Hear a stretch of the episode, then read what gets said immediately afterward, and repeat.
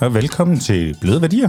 Det er Gorm Branderup. Jeg er uddannet fotojournalist, og ved min side der står Jakob Erup i Dut her en dejlig, kold efterårsdag. Ja, jeg er journalist, og sammen der driver vi en øh, lille kommunikationsbæks, har vi valgt at kalde det, der hedder Skæg og Ballade. Og øh, en del af Skæg og Ballade, det er, at vi laver podcast, og øh, vi har den her Bløde Værdier podcast, som handler om storytelling, og gerne skulle være hvad kan man sige, din værktøjskasse, du kan hive frem en gang imellem og lytte til nogle mennesker, som vi finder dygtige til at arbejde med storytelling. Og det er faktisk også resultatet i dag. Vi har John Fugte i studiet. Jamen, øh, mange tak for invitationen, og det er korrekt, jeg står lige her. Velkommen til, John. Uh, vi plejer altid lige at lave et lille hurtigt rundown på, uh, hvem det er, vi har i studiet, så du ikke skal stå og forklare det selv.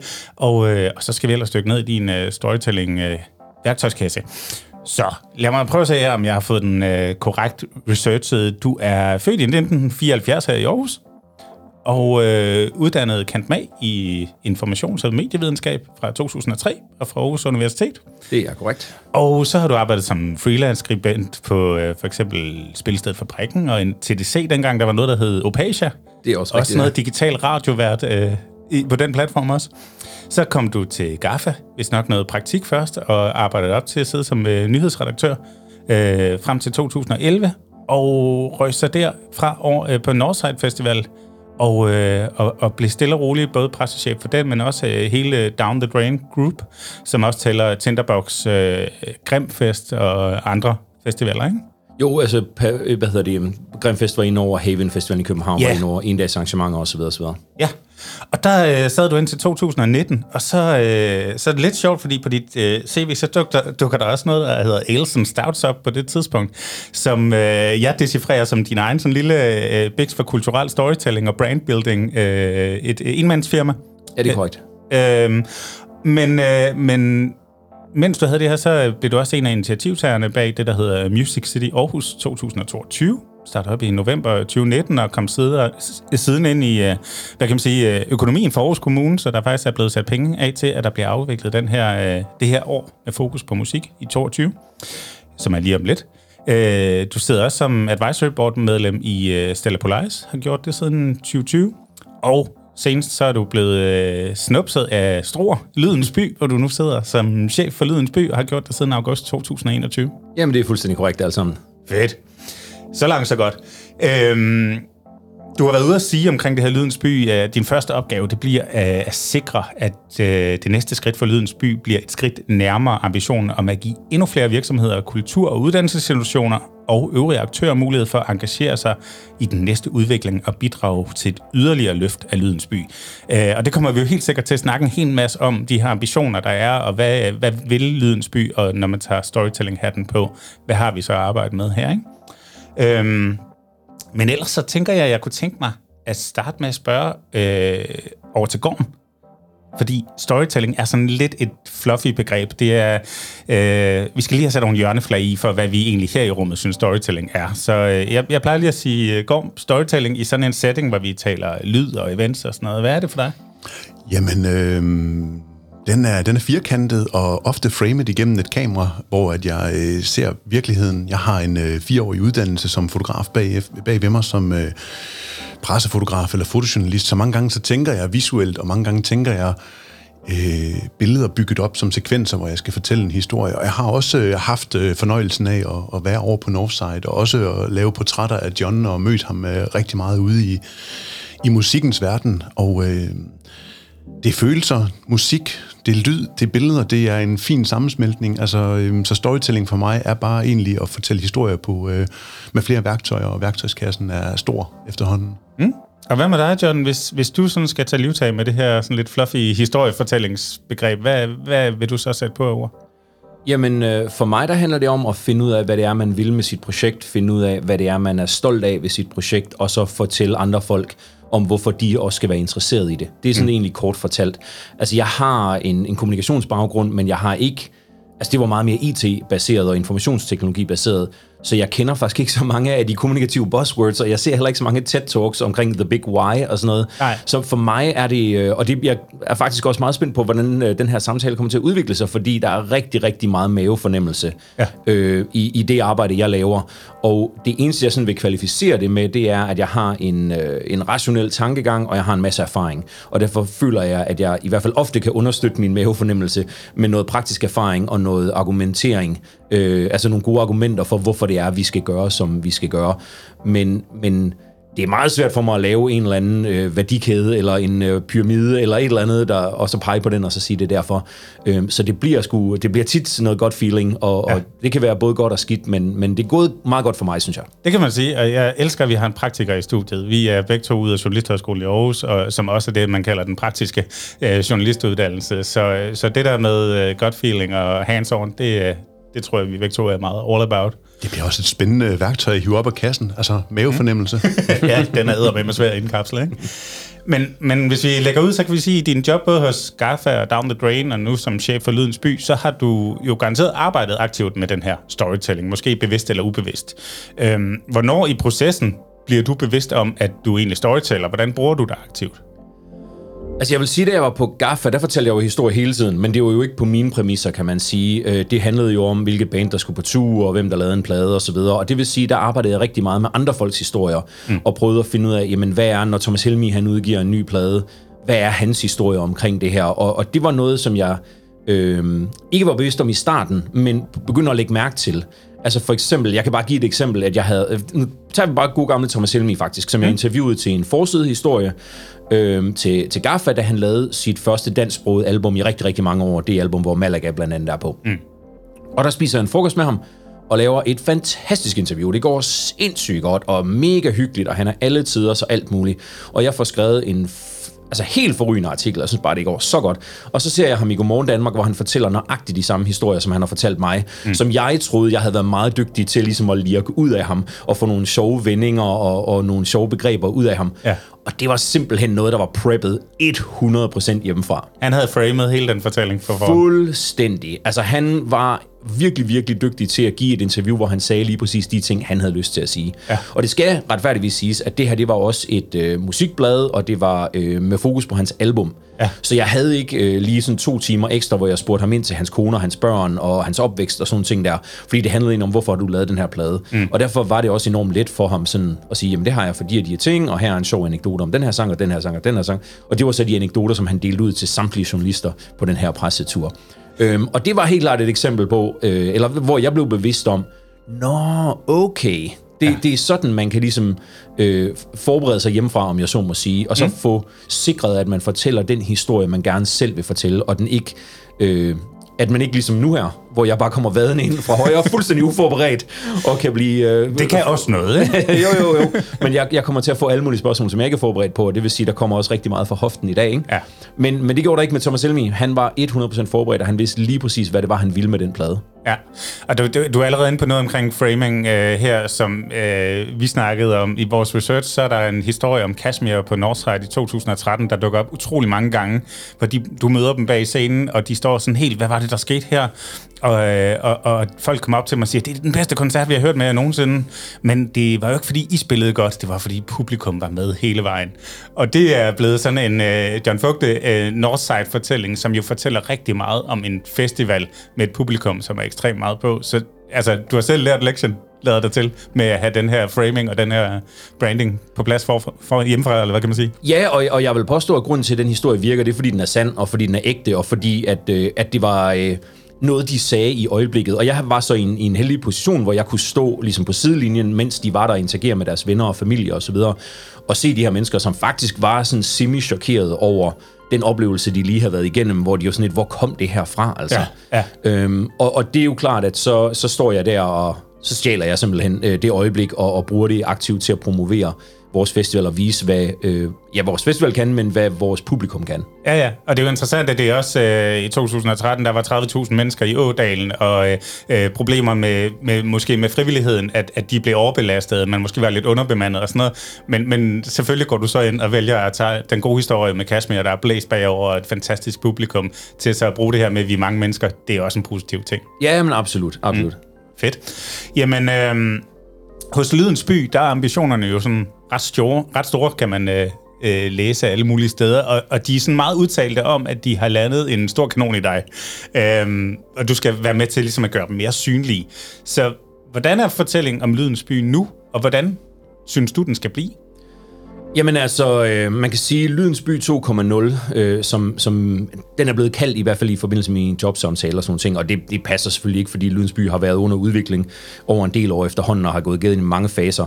Men, men Øh, og det kommer jeg lige tilbage til, men det er også fordi, jeg har den her mærkelige øh, titel, der hedder Chef for Lydens By, og på et tidspunkt skal jeg også lige forklare, hvad det egentlig betyder. Endelig. Men, men i den her proces, øh, der sidder vi og kigger på nu, og sige, men nu har vi faktisk en 3-4 år med nogle meget, meget seriøse og ambitiøse resultater, som vi skal være meget bedre til at fortælle folk om. Mm. Altså, øh, der, er, der er nogen, der tror, at øh, de penge, som jeg sidder og administrerer, de går 100% til annoncering og marketing og branding.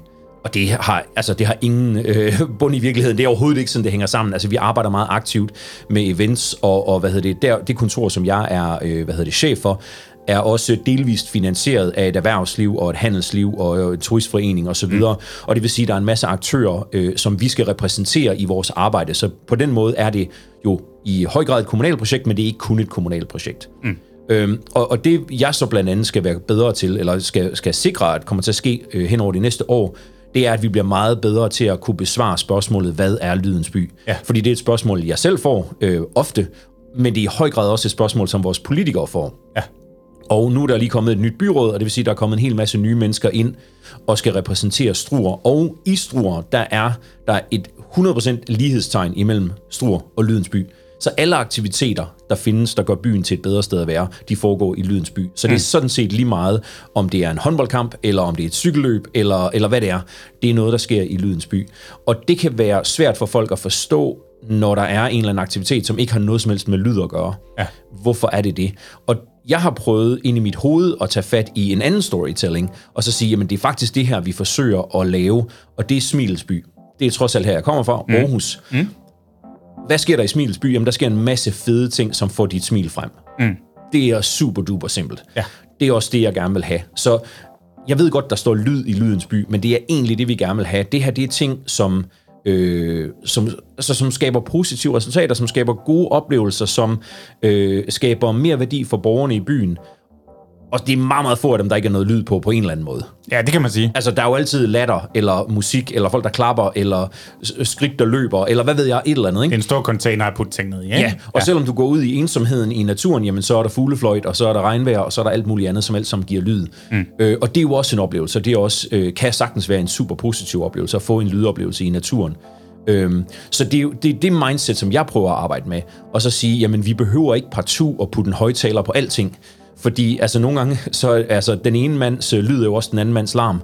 Og, ja. øh, og, og nogle gange, så, så er det her støjhelvede, som man bliver udsat for på, på jævnlig basis, ikke noget, man skal tilstræbe. Nogle gange så er det faktisk rigtig fedt at fjerne lyd og fjerne støj og prøve at give folk en mulighed for at slappe øh, lidt af i ørerne. Ja. Øh, og det er også noget, som, som vi er enormt bevidste om. Så for mig, der bliver det mere det her med, hvem bidrager positivt til byen? Hvem skaber noget positivt? Hvem øh, skaber noget mere værdi for dem, der bor i byen? Og når vi har ligesom har fortalt folk om, at det er det her, vi arbejder med, så tror jeg også på, at der er en spillover-effekt uden for kommunegrænserne på national plan, og det er så det, der kan give vækst i forhold til iværksætteri, i forhold til tilflytning, nye uddannelser til byen osv., osv. Mm. som selvfølgelig er et fokuspunkt for os, ligesom det er for langt de fleste kommuner. Ja, og det her med at brande en by på noget specielt, altså nu nævner du både selvfølgelig Lydens by og Smilets by og så videre, kan det også nogle gange gå hen og blive en blive lidt en hemsko eller en spændetrøje, at man, man er så specifik, altså Jamen selvfølgelig, og det er også derfor, at nogle af de tiltag, man har lavet øh, tidligere, måske ikke har det, om jeg så må sige, akademiske niveau, som jeg godt kunne tænke mig. Mm. Altså det bliver øh, netop det der med at sætte en højtaler på et eller andet, og så, tager så har vi løst øh, det problem. Ja. Fordi nu er der noget lyd. Ja. Men, men det der med, jamen er det kvalitetslyd? Er der, er der en tanke bag? Er der en grund til det? Eller er det bare irriterende hele tiden? Ikke? Mm. Det, øh, og, Altså, og hvad er det, vi skal have ud af det? Hvad er det, vi vil tilstræbe med øh, at tilføre lyd i de her sammenhænge? Mm. Øh, og der har der været nogle lidt sådan gimmicky-agtige projekter, som jeg i hvert fald vil prøve at se, om vi kan undgå. Okay, kan du give nogle eksempler? Jamen altså, vi har en skraldespand, som siger en lyd. Ja. Altså, som, som kan spille noget musik, og som man kan putte... Øh, de gjorde det i, øh, i sommer i forbindelse med, øh, med, hvad hedder det, med EM. Der, der spillede den øh, Vi røde, vi hvide og sådan nogle ting der, ikke? Ja. Altså, og det er da meget sjovt og sådan noget, men, men det er jo ikke det, vi vil. Altså, det er jo ikke, det matcher slet ikke den overligger, som, som der er blevet sat for det her projekt. Øh, og det er enormt ambitionsniveau, der er både inden for det kunstneriske, men også inden for uddannelse og inden for iværksætterier og erhverv og sådan noget. Og så, så øh, hvis det er det, der bliver fremhævet, sådan, uh, prøv at se Lydens By, de har en skraldespand, der, der larmer. Mm. Det, det synes jeg er lidt synd. Altså, jeg kan godt forstå, at der er børn, der synes, det er sjovt, og det kan da måske noget i nogle sammenhæng og sådan noget, men det må bare ikke blive det bærende element i, i vores fortælling. Det er ikke skraldespand, der trækker de internationale virksomheder til byen. Det vil jeg mene, at det ikke er nej. Fair nok. Nu snakker du om at hvile ørerne, og, og at den ene mands øh, lyd af den anden mands larm, og så videre. Øh, vi har også noget lyd, vi lige kan hvile ørerne på, og det er vores øh, lækre Aarhus. Det er vores storytelling. Det kan du lige høre her.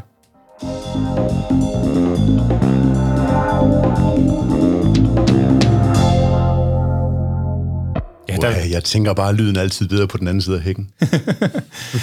det er vores øh, huskomponist, der simpelthen har øh, taget indbegrebet af, hvad den her blødværdi af podcast er, så har han simpelthen komponeret noget musik, som han synes passede til det med øh, ja, Aarhus og så videre. Så, øh, så det, det er lyden af blødværdier.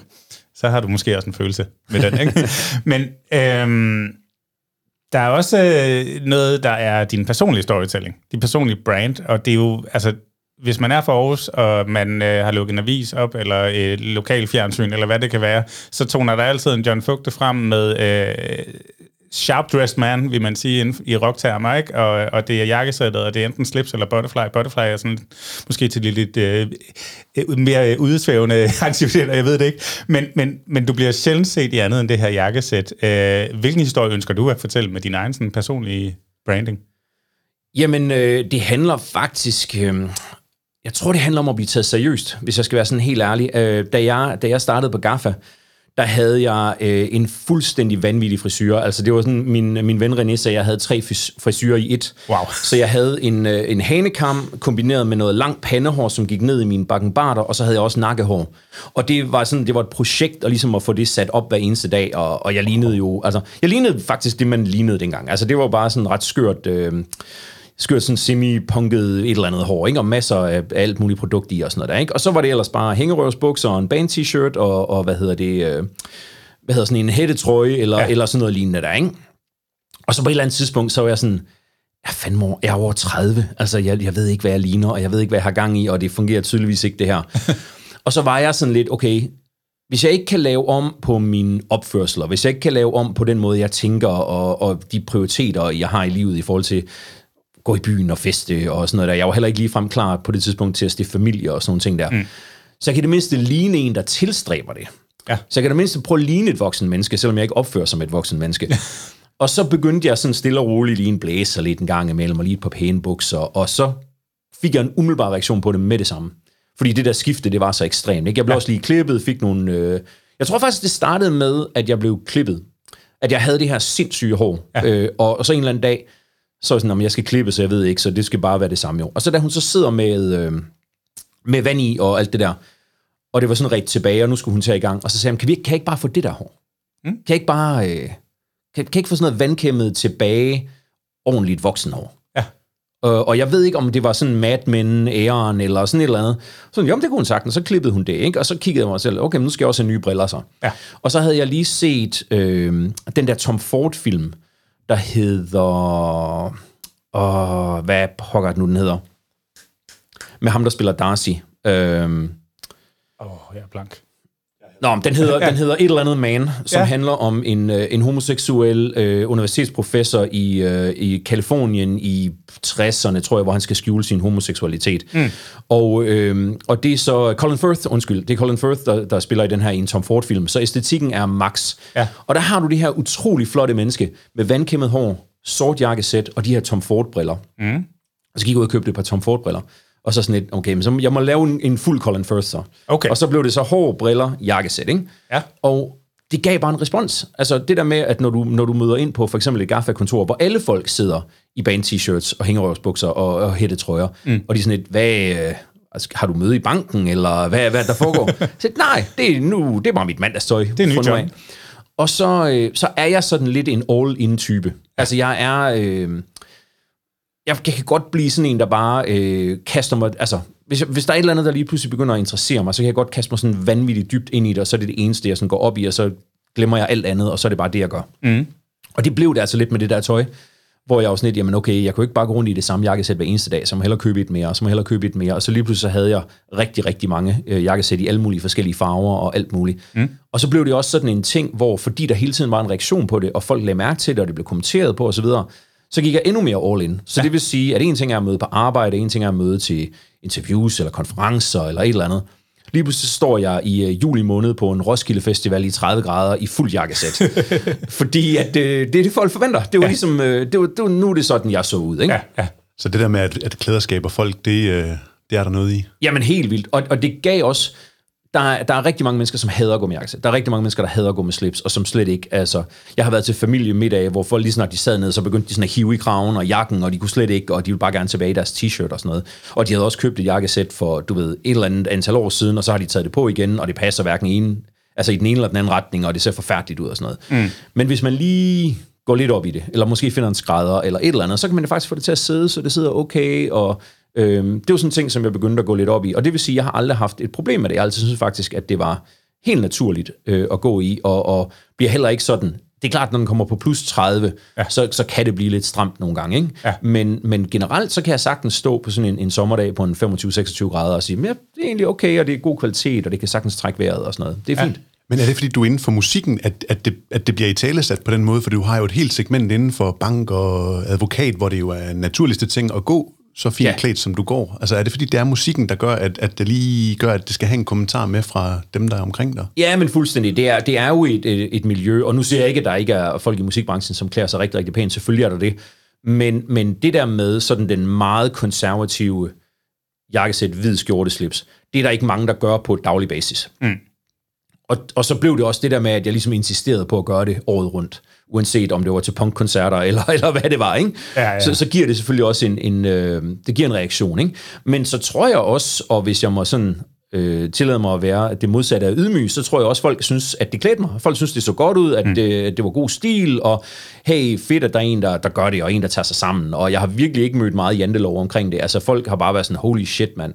Øh, det, øh, nå, vildt nok, og sådan noget, ikke? Øhm, og så, tror, ja, så har jeg måske også... Øh, været lidt mere dristig med nogle valg, end, end din gennemsnitlige ejendomsmaler eller, eller bankmand, ikke? og forskellige farver og skjorter og butterflies, som du nævnte tidligere, mm. øh, som jeg sådan nogle, altså primært om sommeren har, har gået med også... Øh, Ja, der er en stor festival i Texas, hvor jeg har været over mange gange, hvor det har været med øh, sådan ternet skjorte og butterfly, og det har mm. også givet rigtig mange øh, reaktioner og sådan nogle ting. Jamen, det bliver jo meget brand, ikke? Altså, jeg jo. var selv langhåret til at fylde 40, og så, øh, og så røg det netop på, på dagen, hvor jeg havde inviteret gæster, ikke? Øh, så det også blev måske lidt en event i sig selv, ikke? Men jeg havde den der følelse af, at det var en blanding af et knæfald, og samtidig også måske det der med, at et stadie til, nu kommer man videre til noget andet. Og det lyder også meget på dig som, at øh, altså, øh, det var en transformation, også i forhold til hele din karriere, og til, at du gerne vil tage seriøst.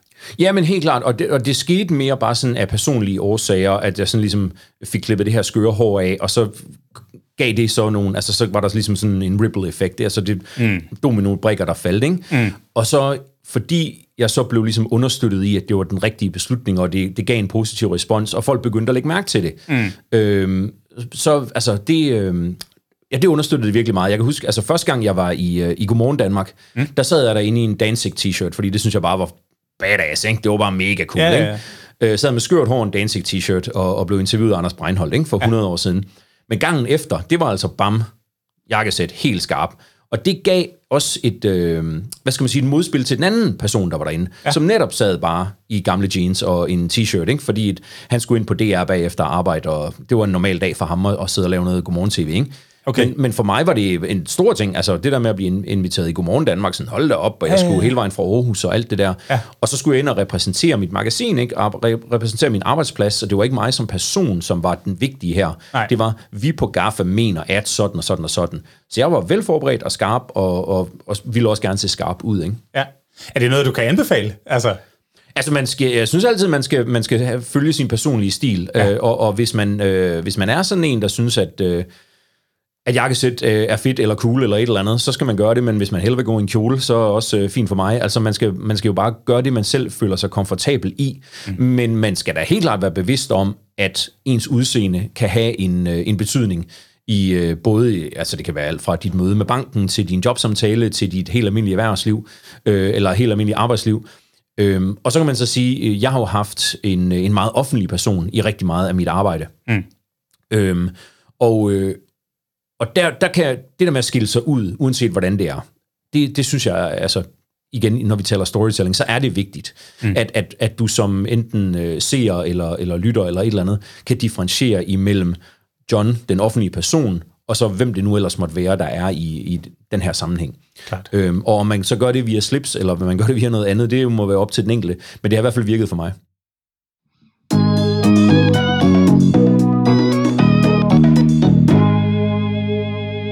Vi bliver ved med sådan at vende lidt tilbage til musikken hele tiden, og du er også meget viden inden for musik, og har stor kendskab til mange kunstnere og genre, og har besøgt mange festivaler, øh, også i udlandet. Det gør det stadigvæk.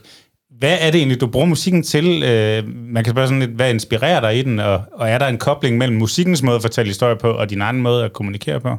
Oh, det er virkelig, virkelig svært at sige. Altså musik har bare altid været en, øh, en integreret del af mit liv, altså siden jeg var altså, jeg begyndte at, at forholde mig til musik meget, meget tidligt, altså sådan noget syv år gammel, mm. og, øh, og krassede også relativt hurtigt øh, penge sammen til en radio med båndoptager, og sad og optog hitlister og sådan nogle ting der.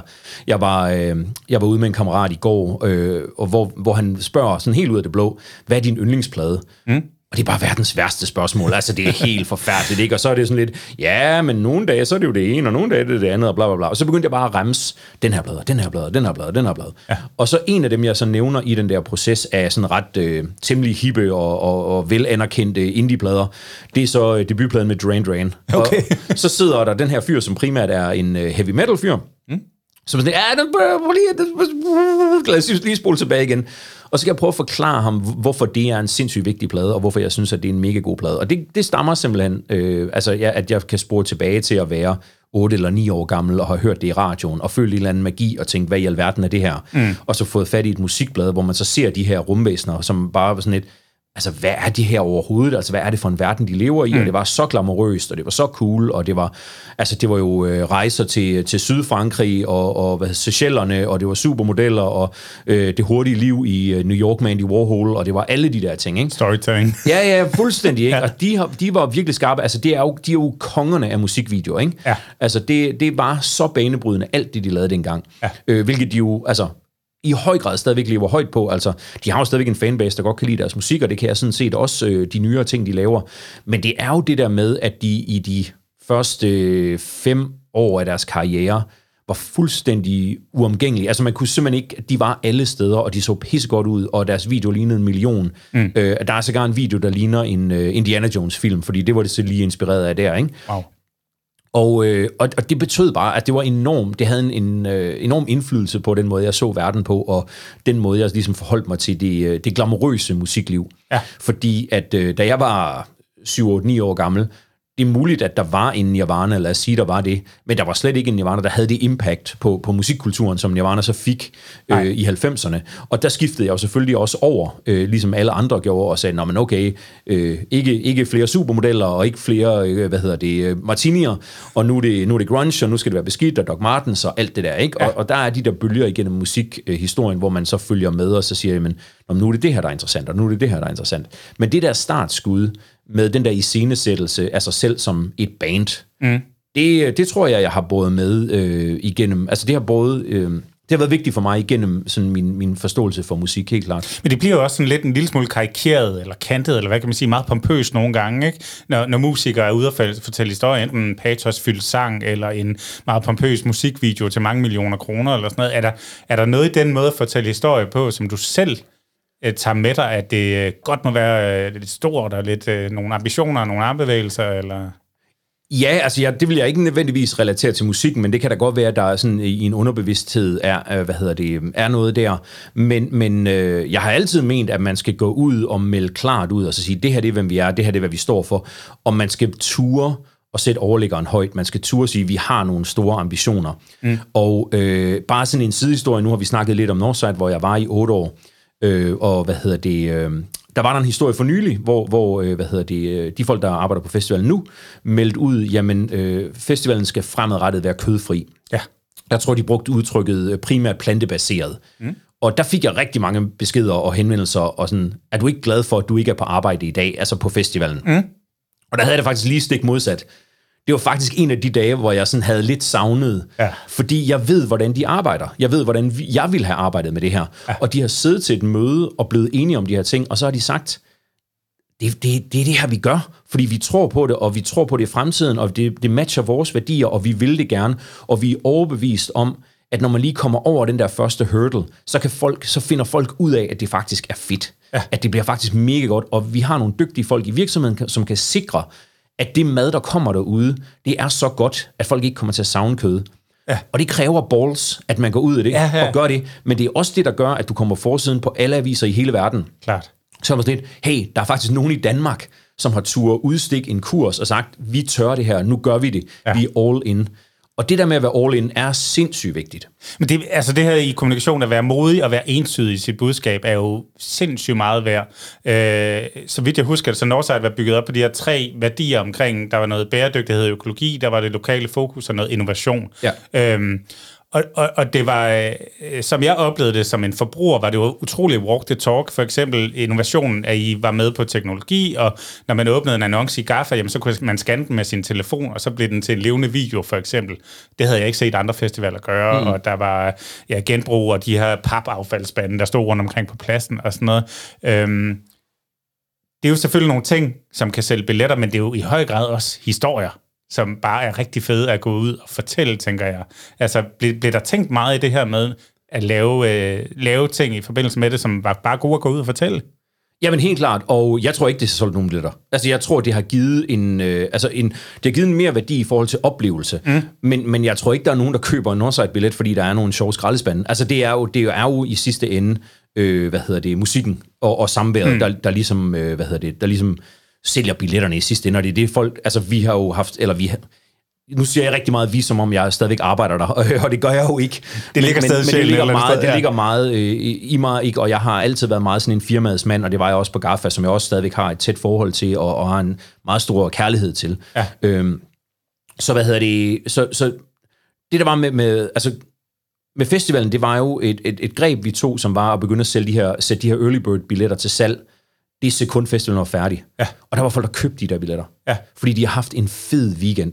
Og Så vil levede de på have- rushet stadigvæk på en eller anden måde. og de Ja. vil gerne have en ny fed weekend. Klart. Men, men der er der ikke nogen tvivl om, at vi øh, lavede en hel masse initiativer, fordi vi synes, det var fedt at fortælle om, at vi lavede de her initiativer. Mm. Og på den måde fik vi også understøttet... Øh, du sagde lokal forankring, jamen så lokale entreprenører, mm. og, og fik dem øh, givet en platform med 35.000 mennesker, hvor de så kunne komme ud og teste deres ting af. Mm. Og vi troede på, at hvis vi lavede en masse af den slags ting, så kunne det faktisk tilføje en lille smule i forhold til den her oplevelse. Mm. Det vil sige, du har lige det her lille minde, så oven i det andet minde, og det andet minde, og det andet minde, jamen så har du pludselig en fortælling om, at det faktisk er ret fedt. Ja.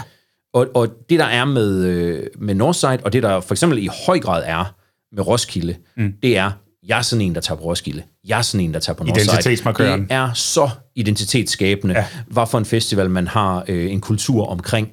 Og det vil vi gerne, den vogn vil vi gerne med på. Ja. Altså, vi vil gerne have, at der står en eller anden øh, type, så når han siger, eller hun siger, øh, jeg er sådan en, der tager på Northside, så er der et billede af, nå, men det er dem, de er 100% økologiske, de går op i bæredygtighed, de har et øh, stramt kurateret program af højt kvalitetsniveau, der er lækkerhed, det er flot, det er en dejlig oplevelse, bynært, du skal ikke bo i en eller anden møgbeskidt camp, så videre, så videre, så videre.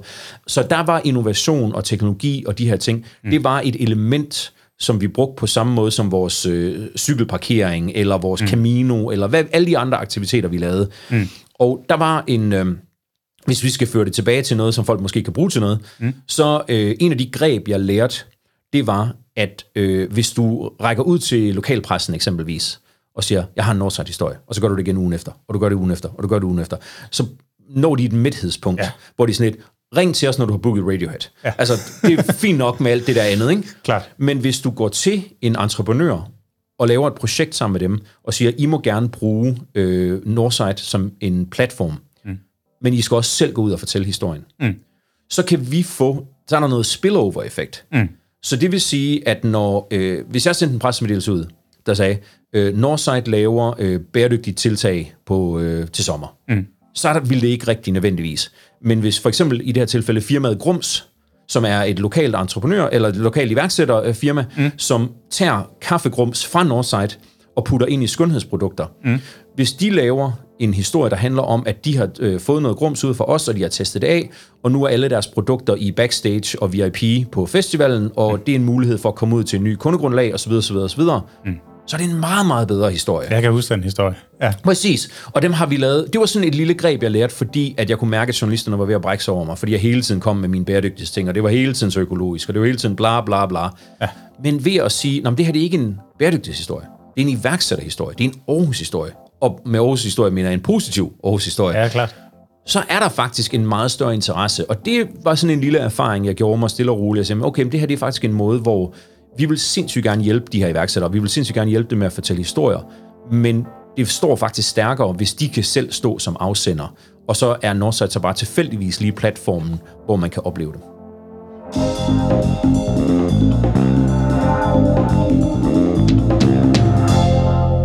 Nå, lad os lige øh, parkere Northside for et øjeblik. Øhm, nu hedder vi Skæg og Ballade, og der er mange, der går til os og siger, at de siger ikke en skid om, hvad det er, I, I render og laver, og så er vi sådan, nej, men det er en samtale starter, og nu er vi allerede i gang. Ikke? Øh, og, og også noget med at have røv i bukserne omkring at tro på, at man ens brand måske går lidt i forvejen, øh, ens personlige brand. Men Ales and Stouts. Ja. Jeg bliver simpelthen nødt til at spørge til det. De her to øh, britiske måder at brygge øl på. Øh, hvad har det med kommunikation at gøre? Det er dit eget firma? Ja, det er det, og, og det kom så jo af, at, øh, at det er jo ikke nogen hemmelighed, kan man sige, at jeg blev også fyret fra Northside, øh, da, da, hvad hedder det, da firmaet blev solgt til en amerikansk kapitalfond. Ja. Øh, og der blev, øh, der blev tyndet lidt ud, kan man sige, i, i besætning og, og lavet nogle ret store firma, øh, hvad hedder det, omrokeringer. Mm. Øhm, og en af de ting, som jeg egentlig er, er stadigvæk er glad for og, og stolt over, det er, at de har ikke ansat nogen til at erstatte mig, fordi jeg er fuldstændig uerstattelig på Ej, den post. Det er øh, også storytelling. Ja, og, og, og det var jo det var den, øh, den hvad hedder det, øh, hvad hedder det, det farvel, jeg fik, det var jo også, at det var jo ikke på grund af min arbejdsindsats, men det var jo omstrukturering og så videre, og så videre. De ja. havde nogle øh, nye, hvad hedder det, nye prioriteringer inden for kommunikation, eksempelvis. Mm. Øhm, og så står jeg jo der, så hvad i, jamen, hvad i alverden skal jeg lave? Og så var det her med brain building og storytelling jo en af de ting, jeg følte, jeg faktisk vidste noget om. Mm. Øhm, kvæg, at jeg har, om jeg så må sige, mit eget brand, folk øh, var bekendt med, hvem jeg var. Altså, jeg var jo også på forsiden af alle aviserne. Det var sådan faktisk lidt sådan voldsomt at være på forsiden af BT, hvor der bare stod fyret og ja. udråbstegn, ikke? hvor man sådan, hold da op, ikke? Øhm, men, men, øh, men så var sådan, hvad, jamen, jeg skal jo gøre et eller andet. Og så, så vidste jeg, at det var det, jeg ville. Og så begyndte jeg at række ud til nogle folk, og, og der var også en masse snakker om projekter, vi skulle lave. Jeg fik også lavet lidt, videre. Men så sad jeg jo hele tiden med den der hvad skal det der, hvad skal det der åndssvage firma hedde? Det skal jo hedde et eller andet, ikke? Mm. Og øh, det der med at bare putte mit eget navn på og et eller andet, det, det, det duede ikke, og jeg havde ikke lige en fix idé og sådan noget. Og så går jeg tilfældigvis øh, ekstremt meget op i specialøl. Jeg er rigtig glad for øl øh, ja. øh, generelt, ikke? Og så kan jeg bare huske, at jeg sad og så, øh, der er en filminstruktør, der hedder P.T. Anderson, og han lavede en film med Daniel Day-Lewis for noget tid siden, hvor Daniel Day-Lewis spiller den her øh, vanvittige skrædder, som ødelægger andre folks liv, mens han skaber sine genialiteter. Og på et tidspunkt i øh, en meget vigtig scene i filmen, der står han sammen med sin kæreste, hvis liv han er godt i gang med at ødelægge, og der står de øh, ude på gaden foran en gammel engelsk pop, hvor der med sådan nogle øh, fine, sirlige øh, guldbogstaver bare står Ales and Stouts mm. hen over ham. Ja. Så sådan, det skal da meget godt det, det kan man da godt vide. Altså, det siger ikke rigtig noget om noget, men Nej. det siger noget om mig, og det er igen, som du siger, en conversation starter. Ja. Og så, øh, så, det ved jeg ikke, så er det da et eller andet, ikke? Ja. Og, øh, og, og du ved, hvis... Øh, man kan jo hurtigt blive fanget i, i et eller andet forfærdeligt navn, og så, oh my god, så skal jeg hedde det resten af livet, og det var egentlig ikke det, jeg ville, og nu er jeg gået i en anden retning, og nu fanger det, og bla bla bla. Ja. Elton Stout siger ingenting om kommunikation. Nej. Så det vil sige, at jeg kan gøre alt det kommunikationsarbejde, jeg har lyst til, uden at det egentlig bliver ødelagt af et dårligt, øh, et dårligt firmanavn. Ja, okay. Og, øh, og det brugte jeg så i en periode og, og satte gang i nogle projekter samtidig med, at jeg også satte gang i det her Music City Aarhus 2022-projekt. Ja. Øh, og som bekendt så ramte corona så, og det vil sige, at øh, stort set alle de projekter, som jeg havde gang i, jeg havde dialog omkring osv., de blev bare øh, parkeret fuldstændig. Mm. Ikke? Og det vil sige, der kommer, ikke, der kommer aldrig rigtig spark i, øh, i, det, der, i det der firma. Øh, så, så, så man kan sige, en af de bedste ting, øh, som jeg har lavet, og hvor vi også stadigvæk har en dialog, selvom jeg nu har et, et fuldtidsjob, det er, at jeg har prøvet at arbejde med, øh, med AGF om at få deres brand lidt mere ud i byen. AGF er jo byens hold, mm. men, men man kan argumentere for, at deres stadion ligger lidt uden for midtbyen. Ja. Og så er det jo, jamen, hvordan kan, man, øh, hvordan kan man arbejde med dem i forhold til at få det brand ind og leve lidt mere i byen?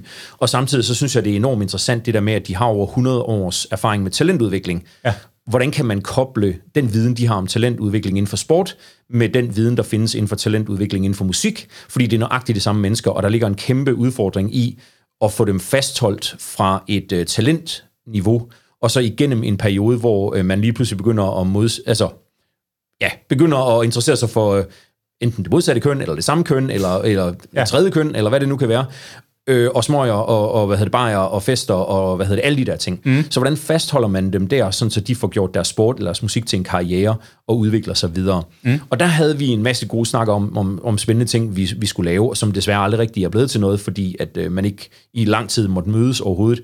Men vi lykkedes her faktisk for et par måneder siden med at få... Øh, få lavet en koncert ned foran uh, Magasin i Aarhus, ja. hvor, uh, hvor jeg havde booket nogle bands, og vi uh, ligesom fik præsenteret noget oceansk vækslag på en helt fantastisk dag med, med høj sol og rigtig mange mennesker og sådan noget. Fedt. Og, og den idé om at få byens hold ud i byen, synes jeg er rigtig fed, og, og noget, som jeg også tror, vi kommer til at kigge på øh, til næste år, hvor jeg så kan arbejde lidt videre med dem øh, på freelance basis. Fedt. Og det, du giver mig en perfekt segue her, fordi at jeg har skrevet noget med fodbold. Fordi det, er jo, øh, det skinner også ret meget igennem, at det er, en, det er en kæmpe passion hos dig. Øh, hvis man går ind på din Twitter, så er der mange øh, kommunikationschefer, som øh, er meget i kommunikationsmode hele tiden. Men, men herinde, der er der meget, der forholder sig til fodbold og fodboldresultater og, øh, og sådan noget, når man går ind på en John Fugte-profil.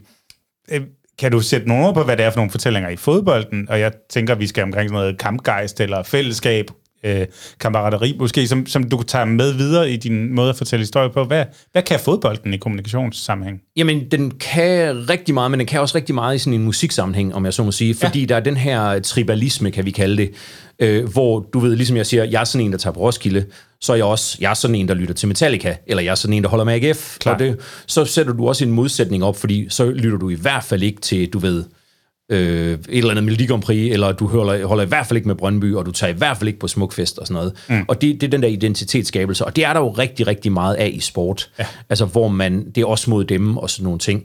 Og langt de fleste mennesker, der går rigtig meget op i fodbold, de taler jo som om, at de spiller på, på altså som om, at de er en del af holdet, og det gør jeg også selv. Der er vi du vi. Ved, vi tabte, ja, eller ja. hvad hedder det? Undskyld, nej, vi vandt, og de tabte. Ja, det, det er som regel sådan, det er, ikke? Når, når AGF øh, har været ude at spille, ikke? Ja. Øhm, og det er, det er super skyldig i selv. Og der, der tror jeg helt klart det der med, øh, at man er en del af et hold. Og jeg sagde tidligere, at jeg altid har været ekstremt meget firmadsmand, og det er jeg i alle mine... Øh, jeg går ret meget all in i mine projekter. Så, så jeg står stadigvæk i rigtig mange folks telefoner som Gafferman John, fordi det var dengang, jeg lærte dem at kende, ja. og det var sådan, de tastede mig ind i deres telefoner dengang. Ikke? Ja. Og hvad hedder det? Øh, og med Northside, ja, fordi jeg havde den her rolle, som jeg havde, og det var jo også derfor, jeg fik jobbet, fordi at Brian Nielsen, som øh, var min daværende chef, havde set mig på fjernsyn stå og snakke om Northside. Ja. Og så var han lidt, jamen ham skal jeg over på mit hold, så han kan altså snakke, du ved, på, jo. vegne, på vegne af Northside, ikke? Men med fodbold og musik, der er det jo, det, er jo det største, brand kan opnå et eller andet sted. Man går med halsterklædet, man får måske endda tatoveringen, ja. men man bliver til det her vi. Altså det brand, ja. der kan få den tribalisme over på sig, har jo vundet i livet, ikke? Altså, jo, jo, jo. Også kommercielt, tænker ja. jeg. Er det noget af det, du tager med også? Jamen det tror jeg, og det, og det, er, ikke, det er jo helt klart ikke bevidst, men sådan følelsesmæssigt at, øh, at nu er jeg jo også flyttet til Struer, fordi at jeg føler ikke, at jeg kan repræsentere øh, Lydens By øh, fra, en, fra en hjemmearbejdsplads i Aarhus. Det, mm. det synes jeg ikke er troværdigt.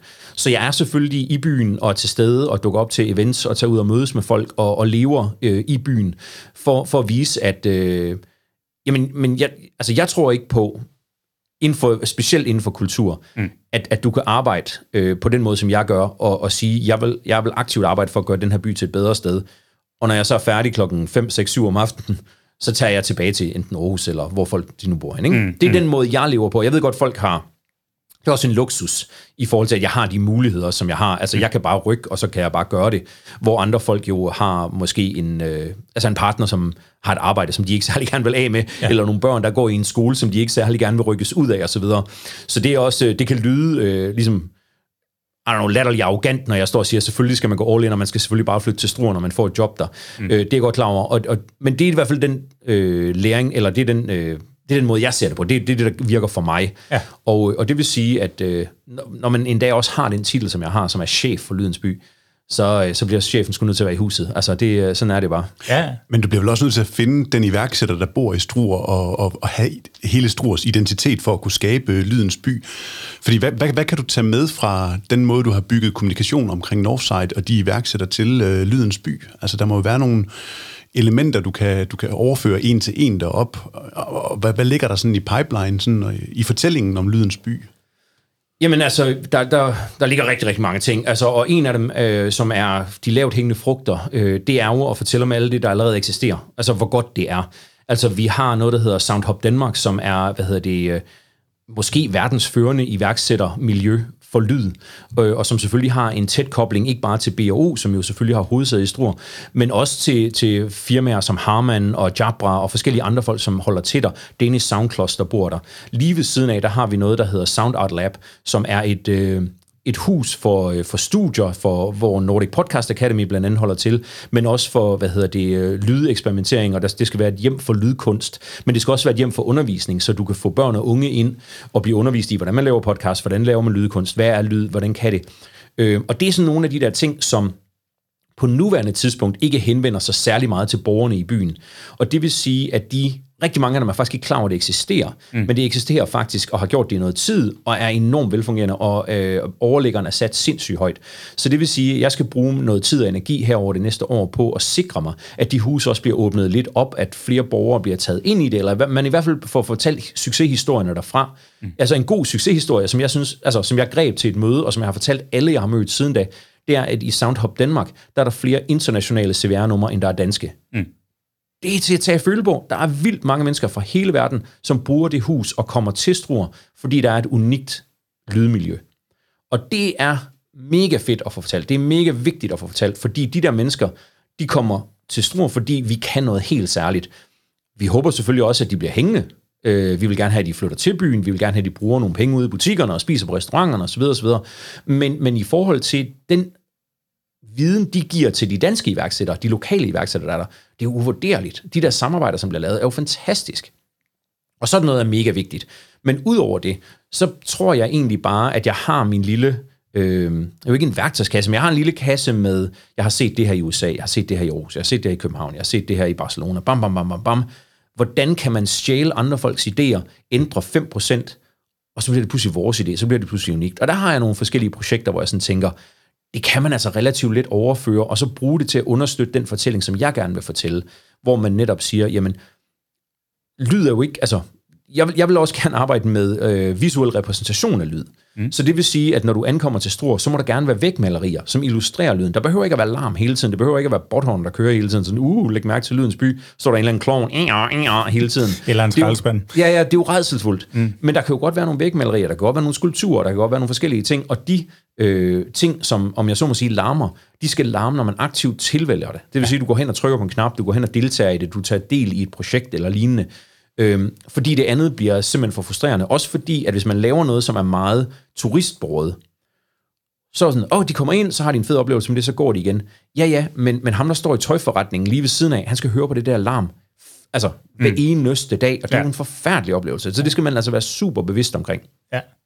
Når du kommer som firmaets mand, så har du, altså jeg tænker, en ting er at komme ind og dedikere sig 100% til et, et brand, men der er også noget med rejsen ud af det. Nu siger du selv, du står som øh, Gaffa John øh, i, i folks telefoner, og, og, og jeg, altså jeg tænker, der er mange, der ser dig stadigvæk som sådan Northside John.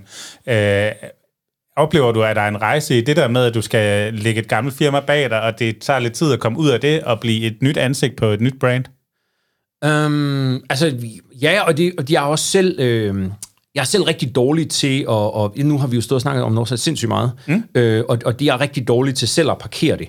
Men det er jo fordi, at rigtig meget øh, af den erfaring, jeg har gjort mig, og de læringer, jeg har gjort mig i de der otte år, er jo noget, som jeg aktivt forsøger at bringe videre, og prøver at, hvad hedder det, at putte ind. Så, så når vi sad, jeg havde et møde forleden dag om øh, vores egen lydkunstfestival, som hedder Struer Tracks, mm Jamen, når vi sidder og snakker om budgetter, og, og hvordan man kan forbedre det osv., så, videre, så får jeg jo også spørgsmålet, hey, hvad gjorde I egentlig på Northside med de der ting? Hvad gjorde I på Northside med de der ting? Mm. Og der er meget åben at sige, at vi gjorde sådan og sådan, og vi arbejdede med de, de ting, og det var det her, der, der gjorde, at vi havde en succes og sådan noget. Så jeg vil jo rigtig gerne bruge det der. Ja. Men det er da klart, at det vil være bedre for mig, hvis jeg var lidt skarpere på, og så, okay, nu parkerer vi lige det her, og nu er det struer, og nu er det lydens by, og det er det, vi snakker om, ikke? Ja.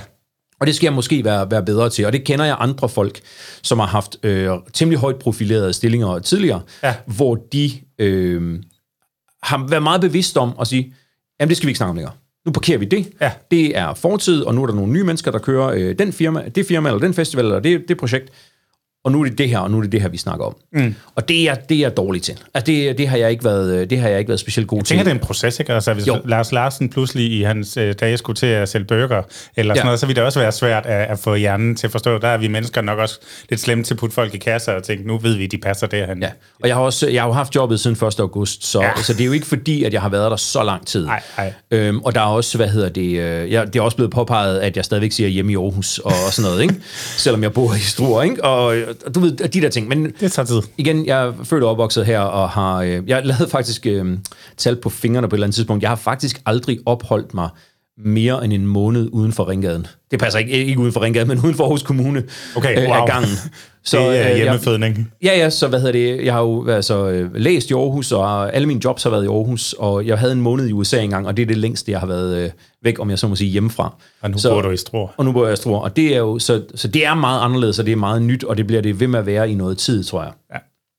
Jeg synes, det er spændende. Hold kæft, hvor synes jeg, det er spændende.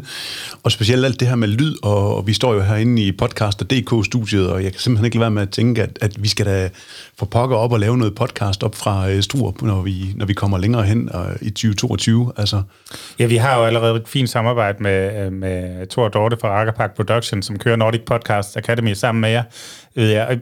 Jeg kunne godt tænke mig, altså en, en del af, det, af Lydens By er jo Nordic Podcast Academy, og nu står vi og laver podcast, så lad os lige prøve at runde det. Øh, der bliver uddannet de her nye dygtige podcaster, og senest der har I øh, udgivet en, øh, en ungdomspodcast, der hedder Stem med de unge, herop til lokalvalget, som blev til sådan on the fly, som jeg kunne forstå, at, at der kom en henvendelse, hvorfor laver I ikke noget om valget til de unge? Og så gik I sammen, fordi I havde muligheden for netop Nordic Podcast Academy i Siloen, Ungerådet derop, Sound Art Lab, som også er en del af det, og Lydens By og Struer Kommune. Bum, så bliver der lavet en podcast, øh, hvor I er ude og interviewe øh, hvert parti, og de har et begrænset tidsrum til at fortælle de unge helt klart, hvad de får, hvis de stemmer på dem. Ikke? Øhm, hvis du kigger sådan lidt på storytel eller på podcastmediet, og den vej, som vi, altså det er jo stadig sådan lidt det vilde vesten, oplever vi, øh, i, også i podcaster.dk-regi. Alle vil gerne have en podcast. Der er ikke så mange, der ved præcis, hvad de vil med den endnu. Hvor ser du det medie bevæge sig hen, og hvilke, hvis vi skal have storytelling på, hvilke storytelling-greb er vigtige at tage med på den rejse i forhold til podcast? Jamen altså, hvis vi lige vender tilbage til, til den her Stem med de unge podcast. Ja, det blev et meget langt spørgsmål, det må jeg undskylde. men, men jeg stod til, øh, til den konference, som øh, altså den, den første Nordic Podcast Conference, mm. som vi lavede øh, i Struer, hvor der var masser af, af hvad hedder det, øh, masser af internationale gæster til stede, og, og masser af danske hvad hedder det, podcast-fans, som man så må sige. Og vi havde en super fed dag. Og så til den dag, så møder jeg Daniel, øh, som kommer hen og siger hej, og så han er sådan en meget aktiv i lokalmiljø-type, og meget øh, energisk og sætter gang i en hel masse ting og sådan noget. Og så siger han bare, at han synes, det er for dårligt, at unge mennesker ikke øh, går op i politik, og de ikke går op i kommunalpolitik, og så videre, og så videre. Og så siger han bare, hvorfor laver I ikke det? Og så min første reaktion var sådan, ja, men det er der mange grunde til, og vi skal være politiske uafhængige, og det ene og det andet, og så videre, og så videre. Men da jeg så lige fik lov til sådan at summe lidt over det for mig selv, og sådan, så var jeg sådan, jamen hvorfor er det, vi ikke gør det? Altså det, det er da også ringe, altså det, det skal vi da gøre.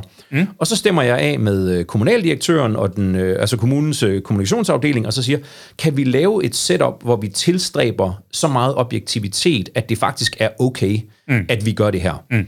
Og det blev vi enige om, at det kunne vi godt. Mm. Ud fra nogle faktorer, der hed, jamen alle politikerne fik spørgsmål på forhånd, alle politikerne fik lov til at lave en gennemlytning, inden det blev offentliggjort, alle folk var inviteret indenfor, osv. osv., osv. Mm. Og så handlede det ellers bare om at indhente samarbejdspartnere, og hvem, hvem ville være med, osv. Og det vil være, øh, det vil være forkert af mig at sige, at jeg gjorde det her udelukkende, fordi at uh, jeg går rigtig meget op i, at unge mennesker skal stemme til kommunalvalget. Mm. Det gør jeg også, og jeg synes, at øh, og det er vigtigt, og jeg synes, det er vigtigt at i tale de her ting. Men jeg havde i høj grad også min storytelling-hat på, mm. da jeg sagde ja til at lave det her projekt. Fordi hvad siger det her projekt? Jamen det siger, at vi har en by, der hedder Struer, hvor vi har en hel masse partnere, som kan finde ud af at arbejde sammen om et positivt projekt, som gør byen, om jeg så må sige, bedre for alle andre. Ja. Og vi har nogle faciliteter, som gør, at det her rent faktisk kan lade sig gøre. Man kan rykke på ideen ret hurtigt, ikke? Man kan rykke på ideen med det samme. Ja. Vi er også en relativt lille kommune, det vil sige, at det er enormt let at få ting igennem, det er enormt let at få fat i de forskellige aktører, og øh, der var jo så også politisk opbakning. Alle partierne ville jo gerne være med. De synes også, det var en god idé. De synes det også, det var vigtigt at få fortalt den her historie, og bruge den her platform, som vi så stiller til rådighed. Mm. Så der var rigtig, rigtig meget storytelling i det. Oveni at hver parti jo så fik lov til at lave deres egen storytelling omkring, jamen jeg kommer fra det og det parti, og jeg vil gøre de og de ting for unge mennesker her i byen. Stem på mig. Og det er sjovt at høre, at nogen har det sådan helt skrevet ned. Altså, jeg tænker, det er en ældre kvinde, der taler for Dansk Folkeparti, hvor sådan, det er meget tydeligt, hun står og læser op, og andre er mere frie i mediet og sådan noget. Men det giver jo stadigvæk et ret godt billede af, hvad er det, man stemmer på. Altså, ja. Ja. Og så var der, der var to ting, som jeg også trak ud af det. Det var netop, det var sjovt at se de her kommunalpolitikere, som jeg stort set ikke kender mm. øh, på nuværende tidspunkt, se, hvem af dem, der ligesom var medietrænet, og hvem der ikke var. Klar. Altså, hvem der var naturlige og gode, og hvem der ikke var. Og den anden ting var, at lige pludselig så havde vi 10 politikere, og invi- som vi kunne invitere op i Soundart Lab, og sige, det her det er en del af Lydens By, det er en del af det, som øh, I enten har bevilget penge til, eller skal bevilge penge mm. til. Og det er en af de ting, som vi arbejder for at få promoveret osv. Og, og der var rigtig mange af dem, der aldrig havde været der før, og synes, det var mega fedt og super cool, og det er flot og et fedt miljø, og folk, som egentlig har som politisk platform og direkte modarbejde mm. Lydens By-projektet, mm. står stadigvæk deroppe og siger, og når det er det der, nå, okay, og det er meget cool, og det er meget fedt, og det... Det er og, godt i næste budgetforhandling, det der. præcis, og der, der var det jo som, som en af dem, som aktivt skal arbejde for at få fortalt de her historier og understøtte de her projekter, så var det vigtigt for mig, at øh, vi ligesom også fik åbnet nogle døre til nogle politikere, som nu har øh, et fundament til at kunne udtale sig om, om det her det er godt eller skidt. Mm. Øh, så det er vigtigt. Men tilbage til den anden del af dit spørgsmål. Ja, helt generelt omkring podcastmediet og, og den storytelling, man bruger der. Altså, har du nogle bud på, hvor vi er på vej hen, og hvor vi skal hen? Jamen det tror jeg, det tror jeg er meget, meget svært at sige, fordi podcast er 10.000 forskellige ting, og, og min egen tilgang til podcast er ikke sådan specielt øh, typisk for, for, øh, hvad hedder det, den gennemsnitlige dansker, vil jeg sige. Jeg hører faktisk stort set ikke nogen danske podcasts. Mm. Øh, NFL-showet med, med, hvad hedder det, Claus Elming og, og Kvist, er, er måske faktisk den eneste danske podcast, jeg egentlig lytter til, og det er, fordi jeg går rigtig meget op i amerikansk fodbold. Mm. Øh, og der er jo ikke nogen... Øh, ja, der er ikke nogen, der skaber en uh, øh, NFL-ming til at fortælle om amerikansk fodbold, så det lytter jeg altid til. Men ellers så, øh, så hører jeg primært, øh, hvad hedder det, engelske og amerikanske podcasts, og langt de fleste af dem, jeg lytter til, er, øh, hvad skal vi kalde det, sådan en uge til uge, hvad sker der i kultur, hvad sker der i sport, ja. øh, hvor, hvor man dykker ned i, jamen, okay, nu er der premiere på den her tv-serie, eller nu er der kommet den her plade, eller øh, jeg lytter til en, der handler om medier faktisk, som handler om, ikke hvad Joe Biden har gjort, men hvordan har de amerikanske be- medier behandlet, hvad Joe Biden har gjort, ja. som også er super fedt. Ja. Og der tror jeg, at der er mit forsigtige gæt vil være flertallet af danskere, de lytter til langt mere sådan reportage, eller, eller længere historier, eller øh, sådan noget true crime, eller sådan noget mm. lignende. Ikke? Mm. Og det, det gør jeg slet ikke. Så, så det er en verden, som jeg har øh, meget lidt erfaring med, og, og, og ved meget lidt om. Men, men jeg synes, det der er interessant, det er, at i takt med, at man øh, på uddannelsesplaner har nedprioriteret den her reportage-radio-del af uddannelsen, mm. så er podcaster samtidig bounced op, og det er derfor, vi blandt andet via Podcast Akademiet nu har et samarbejde med Journalisterskolen, eller hvad er det, den danske medie og... Og DMJX, er det ikke? Lige præcis, ja. Ja. Øh, hvad hedder det? Øh, vi har samarbejdet med dem, så man kan få en diplomuddannelse via Journalisterskolen, hvis man læser på Podcast Akademiet, eller bliver undervist på Podcast Akademiet. Og så har vi også de her camps, som er åben for alle. Og der ser vi nemlig et meget, meget bredt udvalg af mennesker, og alle, hvad hedder det, køn og aldersgrupper og interesser og, og genre og så videre. Og det var også en af de ting, der var fantastisk til konferencen. Mm. Det var at høre øh, nogle, skal vi kalde det mere sådan kunstpodcasts. Mm. Så det vil sige, at der var en masse genrer, som dem kendte jeg udmærket godt. Jeg ved godt, at der er nogen, der laver noget med, der er en eller anden, der har nogle, øh, hvad det, de tunge kufferter og så videre, og der er noget, der handler om øh, cykelsport og NFL og så videre. Men der var en, øh, en kvinde, som lavede en podcast, der handlede om hende selv og hendes parforhold, hvor hun simpelthen havde skrevet, hvad der mindede om noveller, og som hun så havde skuespillere til at udfolde. Og, og hvor ja. der var sådan et, i det, de klip, vi hørte, der var der et parallelt forløb, hvor hende og hendes kæreste er sammen med nogle venner, og man kan høre et reelt lyd, og de er i et eller andet hus, og der er folk, der larmer i baggrunden, og der er noget musik osv., og, og så klipper de så til sådan en helt soundbooth-lyd, hvor hun står sådan, og det jeg i virkeligheden tænkte, det var sådan og sådan og sådan. Og så kæresten siger, og når hun siger det der, så ved jeg godt, hun mener det modsatte, og det er forfærdeligt. Åh, oh, stærkt. Og så, så krydsede det sådan ind og ud, ikke? Sådan, så man fik, øh, hvad hedder det, man fik den sådan udefra oplevelse af, når det her det var, hvad der foregik, og det her det var, hvordan deres parforhold så ud, og ind, så fik man så deres uh, inner thoughts øh, mm. om, at hun er forfærdelig, og han er forfærdelig, og hvorfor skal hun altid være sådan, og hvorfor skal han altid være sådan? Og, og, og, og fik hendes historie om hendes oplevelse af, hvorfor deres parforhold var gået i stykker. Og så læner vi os jo op af noget ja, øh, radioteater og serier og sådan ja. noget, andre, andre formater, man kender, ja. og som man er stor forbruger af. Altså jeg tænker, Jacob, vi skal have nogle show notes øh, på banen her, så, så inden John han smutter ud af studiet og sådan nogle ting, så skal vi lige have skrevet alle de her podcasts ned, du har nævnt med Joe Biden og den med øh, politikken. Ja, og, helt klart. Og den her med skuespillet og sådan nogle ting. Øh, jeg, jeg, jeg har lige en lille hurtigt tilbage til, til den, I så lavede med, med de unge øh, og, og stemmerne. Hvordan, altså, ramte I så målgruppen, de unge også med, med de her podcast inden for politik op til kommunalvalget? Øhm, det er et rigtig godt spørgsmål. Jeg har faktisk simpelthen ikke haft tid til at kigge på, på statsene. Øh, mit forsigtige gæt vil være, at de ikke har været øh, overvældende. Øhm, men, men vi har forhåbentlig ramt nogen, og, og det vi så også gjorde, det var, at vi lavede så også, eller vi var medafsender på en live-event, hvor vi simpelthen havde, simpelthen havde et øh, hvad hedder det, vælgermøde øh, henvendt mod unge mennesker. Så, så i kælderen under musikskolen havde man inviteret politikere, man havde inviteret øh, nogle musikere, og man gav gratis pizza, og så havde man inviteret byens unge ind til at deltage, hvor man så øh, ligesom sagde, opgaven er egentlig, gå hjem og lytte til de her podcasts, så er I informeret og kom ned og høre de her mennesker. Og det var et rigtig fint arrangement, hvor der, hvor der også var godt besøgt og sådan noget. Så, så jeg håber selvfølgelig, at der er nogen, der har lyttet. Øhm, og igen, som jeg siger, hvis jeg skal være sådan realistisk omkring det, så var det heller ikke det, der var min personlige, øh, hvad hedder det? Øh, Agenda. Ja, mit personlige mål med det, det var jo netop at vise, det her det er, hvad vi kan. Øh, det, når, vi, øh, når vi rykker på noget, og når vi samler folk, så kan vi faktisk lykkes med det her. Og det er da klart, at når der så kommer øh, hvad hedder det, næste folketingsvalg, eller næste kommunevalg, eller næste EU-valg, eller et eller andet, så kan det være, at man følger op på det, og så kan det være, at der er flere, der lytter den, øh, til næste gang. Ikke?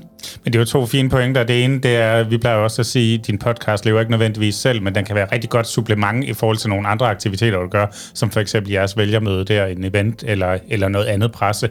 Øhm, og, så, og så er vi lidt tilbage også i den med, øh, sælger I billetter på Northside ved at stille papskraldespand op? Nej, men det er måske en rigtig fed historie at gå ud med, og det samme har Unge Post podcasten jo været her øh, omkring samarbejde og omkring at få politikere i tale og få de unge på banen til at lave noget selv og sådan noget. Så den har jo haft værdi rigtig mange øh, steder, udover det, den er blevet lyttet, ikke? Jo, og, og øh, altså, hele ideen om, at det kommer bottom up, om jeg så må sige, altså det kommer fra en mm. borger i byen, som selv er ung, og som øh, ligesom ikke har en platform til at råbe sin, øh, altså sin hvad hedder sådan noget, medborgere op, ikke?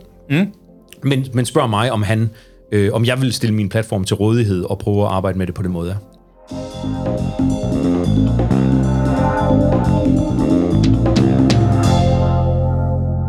Yes, men nu er jeg nysgerrig på, at vi er ved at slutte cirklen og slutte interviewet her, og jeg kunne godt tænke mig, at vi kommer tilbage til, til Lydens By igen, øh, hvor du jo er nu og, og er blevet firmaets mand der. Øh, og, og du nævnte tidligere, at du godt kunne tænke dig lige at rise forskellen op i de her roller, du besidder, og jeg kunne også godt bare tænke mig at få dig til at kigge lidt i krystalkuglen og, og snakke lidt om, hvordan vi kommer til at opleve Lydens Bys fortælling vokse de her kommende år, når du sidder på posten. Jamen helt klart, altså da jeg, da jeg så jobopslaget, så, så stod der chef for Lydens By, og det er sådan en ret vild titel, når man både har en borgmester, en kommunaldirektør og alle mulige andre aktører.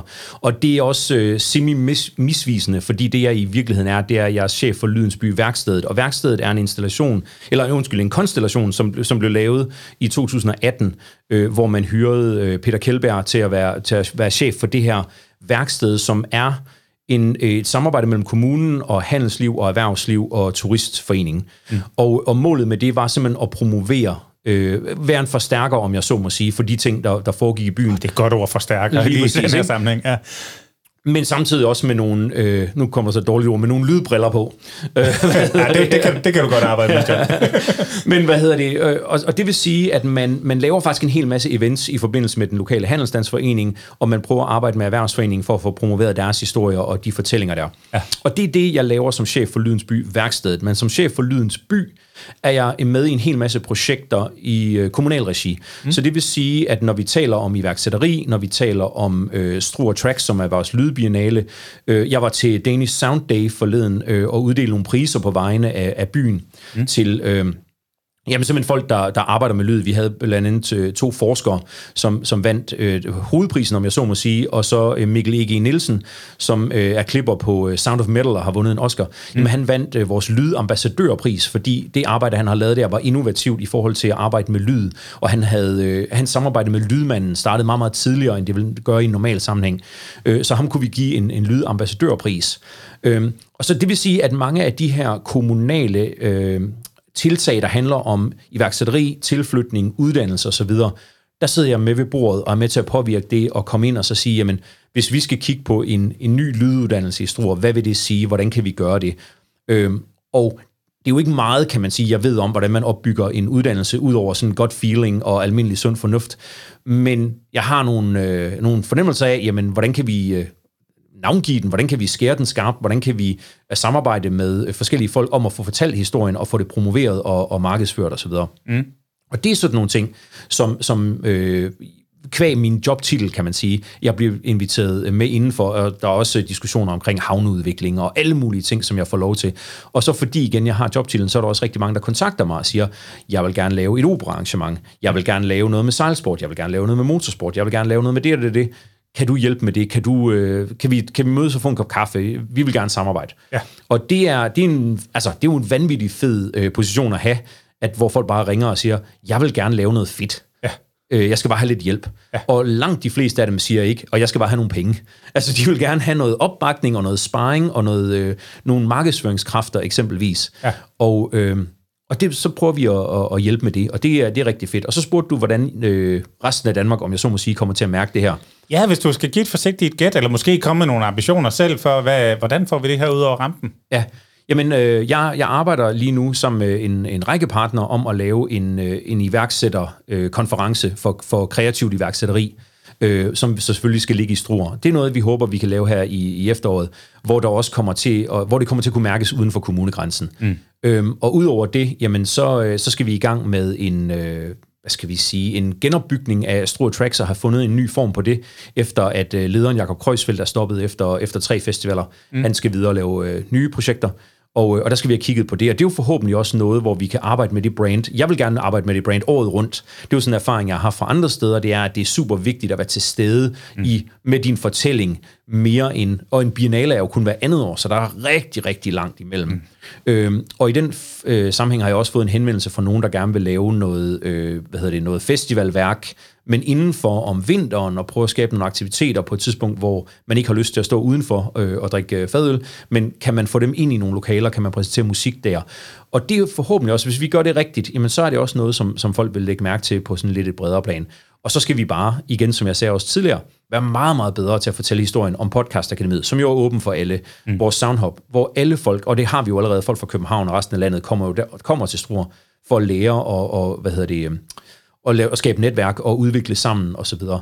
Så, så det skal bare bredes øh, meget mere ud. Hvad er potentialet i det? Altså, hvor, hvor stort kan det blive? Jamen, det ved jeg ikke. Det, det er virkelig, virkelig svært for mig øh, at sige, fordi at jeg kender jo ikke... Øh, Altså, jeg kan godt fortælle historien om lydbranchen, jeg kender jo ikke lydbranchen. Jeg ved jo ikke, øh, hvad hedder det, hvor... Jeg ved faktisk ikke rigtigt, hvor folk sidder, og, og hvad der er muligheder. Men det er da klart, at det ville da være fantastisk, hvis vi kunne være medafsender på den næste soundbox på en eller anden måde. Mm. Øh, og der har faktisk, øh, til Danish Sound Day, der var, øh, hvad hedder det, stifteren Jesper af Soundbox, han var faktisk til stede og holde et foredrag, og han har været igennem øh, det her Danish Sound Day, hvor han var pitchet sit projekt. Og det vil sige, at med det arbejde, vi laver, har vi været med til at understøtte den succeshistorie, kan man sige. Og det er jo sådan noget, som er helt fantastisk. Altså, det, er jo, ja. det er en rigtig, rigtig god historie. Og han, øh, der må jeg bare give mega meget props. Det kan være, I skal have ham ind i, i podcasten på et tidspunkt. Mm. Fordi han fortalte historien om den her succes, men han brugte faktisk mere øh, tid og energi på at fortælle om alle de kæmpe store fejl, de har lavet hele vejen igennem.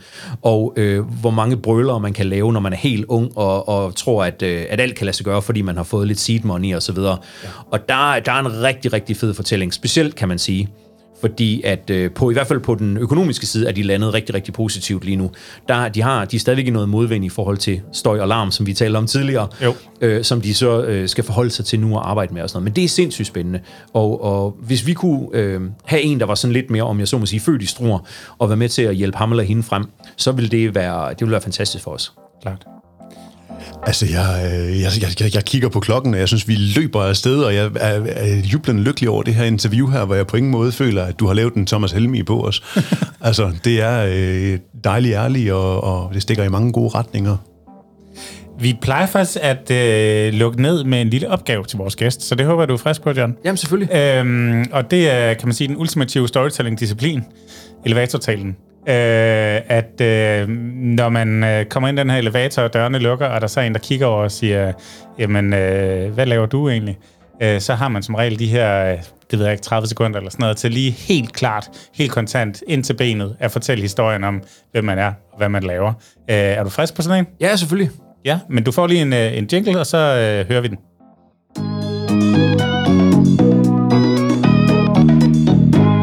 Yes, vi står i øh, Struer, og øh, jeg kommer ind og stiller mig i elevatoren, og der står den her nye chef for Lydens By, og så øh, siger jeg, hej John, øh, hvad er det egentlig, du laver? Jamen, jeg er chef for Lydens By Struer, og øh, grunden til, at øh, vi kalder os Lydens By, det er jo, fordi vi bygger på en DNA på BO med 100 år med lyd i Struer, og det har man så brugt til at lave en city branding strategi, hvor man fortæller historien om Struer via lyd, og det har så ført til, at vi nu er den førende by i hele verden øh, for lyd og lydiværksætteri. Vi er den eneste by i hele verden, som arbejder med det målrettet på den her måde. Der er masser af byer, som er musikbyer eller øh, hvad ved jeg, tekstilbyer, men vi er lydens by, og man har arbejdet med det i øh, næsten 10 år nu efterhånden på forskellige måder, men det er, fordi det er så integreret, øh, det her med DNA'en og, og BO, så kan folk i byen faktisk godt forstå det, og de synes faktisk, det giver mening. Så hvor man i andre byer skal finde på, at man er, hvad ved jeg, Vestjyllands øh, Firenze eller et eller andet mærkeligt, så, så, kan godt, så kan folk godt forstå det. Og det er så den fortælling, som jeg arbejder med, både via events og storytelling og iværksætteri og tilflytning og uddannelse. Og øh, der har jeg et, øh, et øh, kommunikation- og eventhold, som, øh, som bakker mig op på del af det, og så sidder jeg ellers med til en masse kommunale møder og prøver at sikre, at historien om Lydens By bliver fortalt øh, uden for kommunegrænsen også. Fedt. Wow, dejligt. Dejlig. Mange etager, vi kom op der. Det er jo fedt. ja, det er jo det. Jeg tror også, vi lige blev stående lidt i døren, efter den var åbnet. Men, men, men spændende. Jeg har lyst til at, at høre mere i hvert fald. Og der var også både de helt store ambitioner, som vi snakkede om. Ikke bare at være øh, Jyllands eller Danmarks, men altså verdens førende inden for det her. Der var et lille grin til øh, Vestjyllands Firenze og sådan noget. Det er alle, alle de der gode ting, man putter i en god storytelling-cocktail. Fedt, John. Tusind tak, fordi du tog dig tid til at kigge forbi studiet og tale storytelling med os. Ja, men absolut. Mange tak for invitationen endnu en gang. Det var en fornøjelse. Vi glæder os til at se, hvad det bliver til med Lydensby.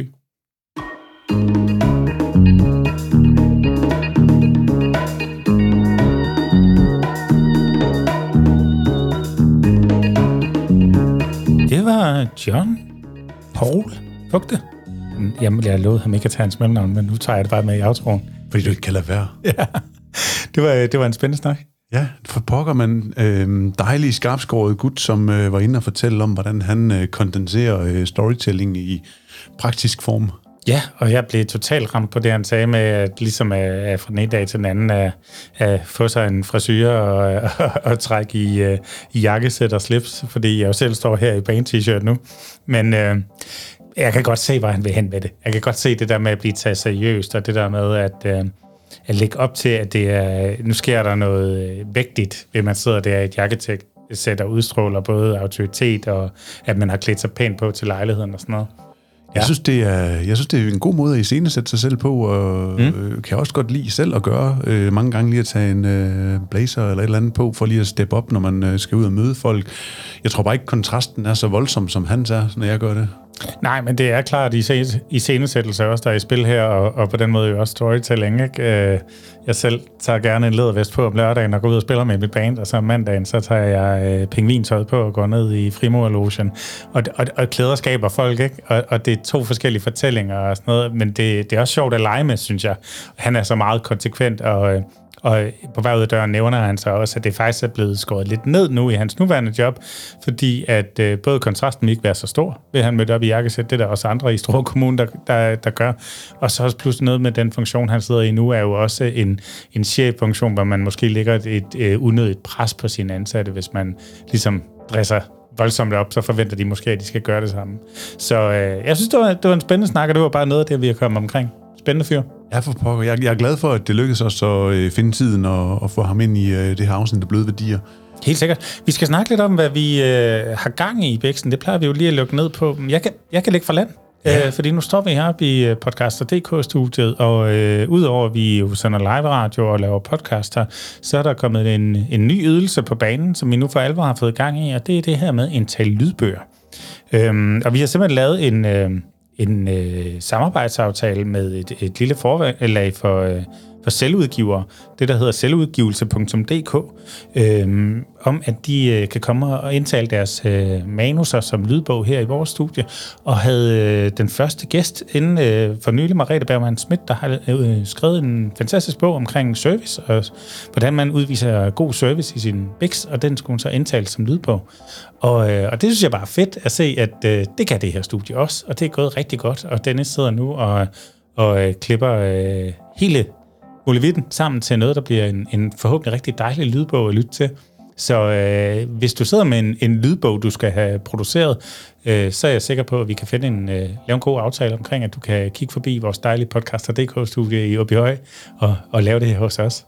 Ja, så er det jo ikke kun lydbøger, men det er jo også noget som øh, biografreklamer og radioreklamer og sådan nogle ting, som vi øh, kaster os ud i at speak og lave voice-over til. Altså det er jo et øh, multifunktionelt øh, lydhus, vi efterhånden har fået skabt her i øh, podcaster.dk. Ja, det er jo det. Så øh, er der noget, der rimer på en lydopgave, så kan vi med stor sandsynlighed løse det.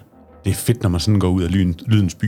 Ja, lige præcis. Så der bliver vi lige hængende lidt i lyduniverset. Ja, det gør vi, fordi at, øh, vi er faktisk snart også på vej ud af døren med øh, en øh, godt pakket bil med kameraudstyr, fordi vi skal til Silkeborg ud og møde øh, Spor New Music School, som er de her unge talenter, som øh, er samlet i november måned for at skabe øh, og fremføre en... Øh, en forestilling, som er rigtig, rigtig lydbaseret, og den skal ja, det er vel en koncert i, i virkeligheden, ikke? Er det ikke det, de selv kalder det? Ja, ja. Det er en koncert, jo. En uge premiere, som vi så skal øh, filme også. Så det bliver to dage, hvor vi skal filme og fotografere og hjælpe med at formidle, øh, så de kan bruge det fremadrettet til øh, Spor næste år. Øh, det er det, der de kalder Spor New Music School, som er ja, unge mennesker, som prøver kræfter med både nye instrumenter og det der med at skabe nogle helt nye værker for børnene, ikke?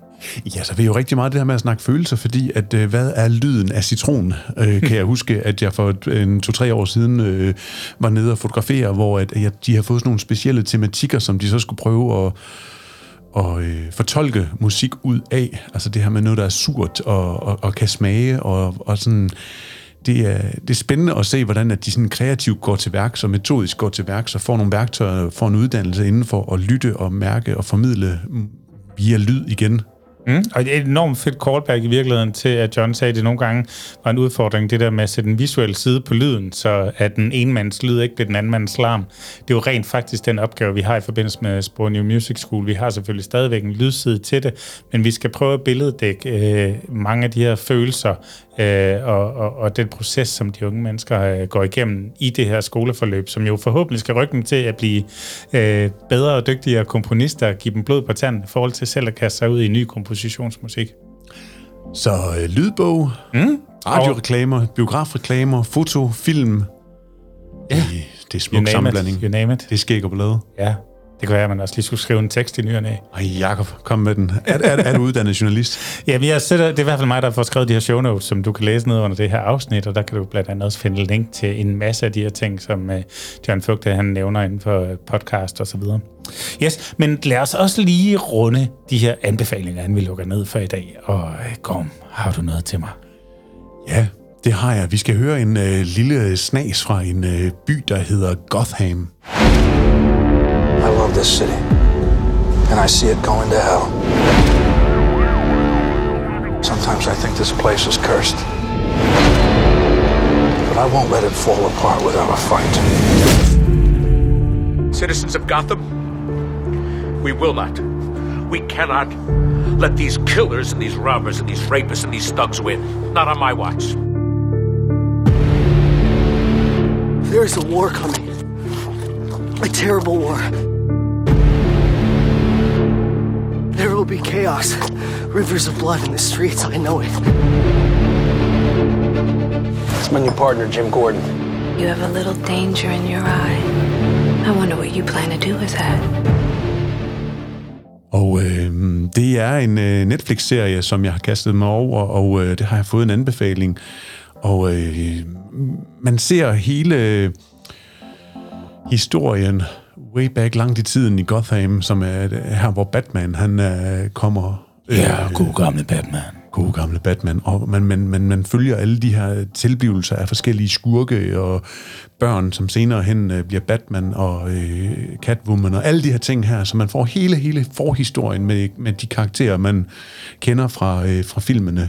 Jeg er ikke noget øh, sådan super langt ind i den, men er godt inde i første øh, sæson, og, og den har egentlig fanget mig ganske fint, fordi at det er bare, øh, det er bare min barndom. Altså mm. Batman og, og de her øh, helte ting, som, som er bare sjov og spændende, og så se det fra en lidt anden vinkel. Det synes jeg, det, øh, det, det, det kan de her øh, Netflix-serier. Der, der, der er jo virkelig tale om superbrand her, ikke? Altså, og en storytelling, så bare lever. Jeg ved ikke engang, det er jo sådan hønnen eller ægget, om det var film eller tv-serie, der kom først, det ved jeg ikke, men, men vi er jo langt tilbage. Det er jo sådan noget 60'erne eller sådan noget, de første Batman.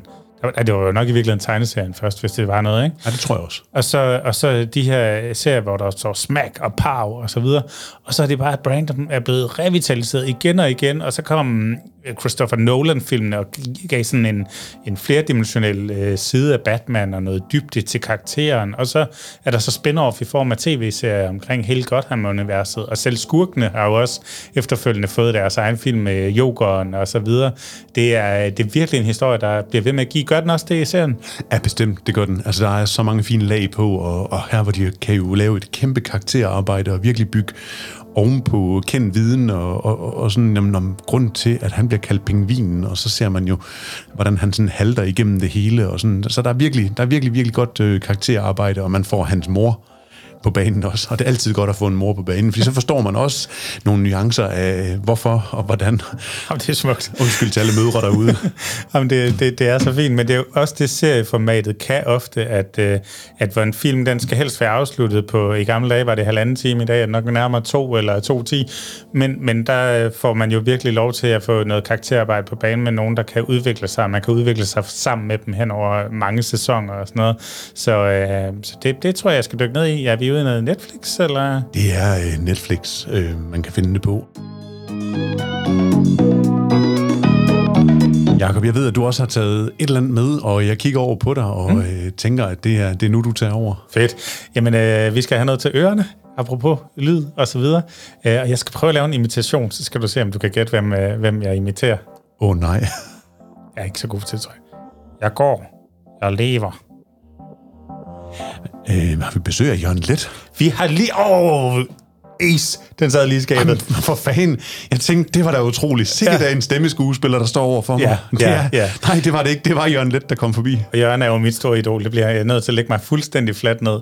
Øh, og udover at han har lavet radio for 24-7, og han har talt med Mathias Hundebøl og så videre, så har han faktisk også kastet sig ud i et projekt med at lave sin egen podcast nu. Øh, I samarbejde med dem, der hedder Pod, Pod Ads. Øh, og han går ture og øh, vi har jo tidligere snakket med Christian Fuglendorf, som har sin øh, Hvad så? Øh, Spacertours podcast.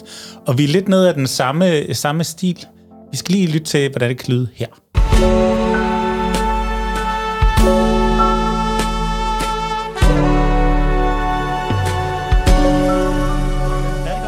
Det er et herligt sted her. Ja, det er et dejligt sted. Jeg kan Ja. godt lide Østerbro. Jeg bor jo i Haiti, Ja, så øh, det er jo ikke altid, jeg er her i- i København. nej. Har du, når du har boet mange år i udlandet, i Haiti, Ja, har der, er der så en vis øh, længsel om at komme, komme hjem til Danmark, eller altså en vis... Øh, får man et andet forhold til Danmark, når man har boet i ja udlandet? måske nok. Altså, jeg, jeg længes i hvert fald efter smørbrød.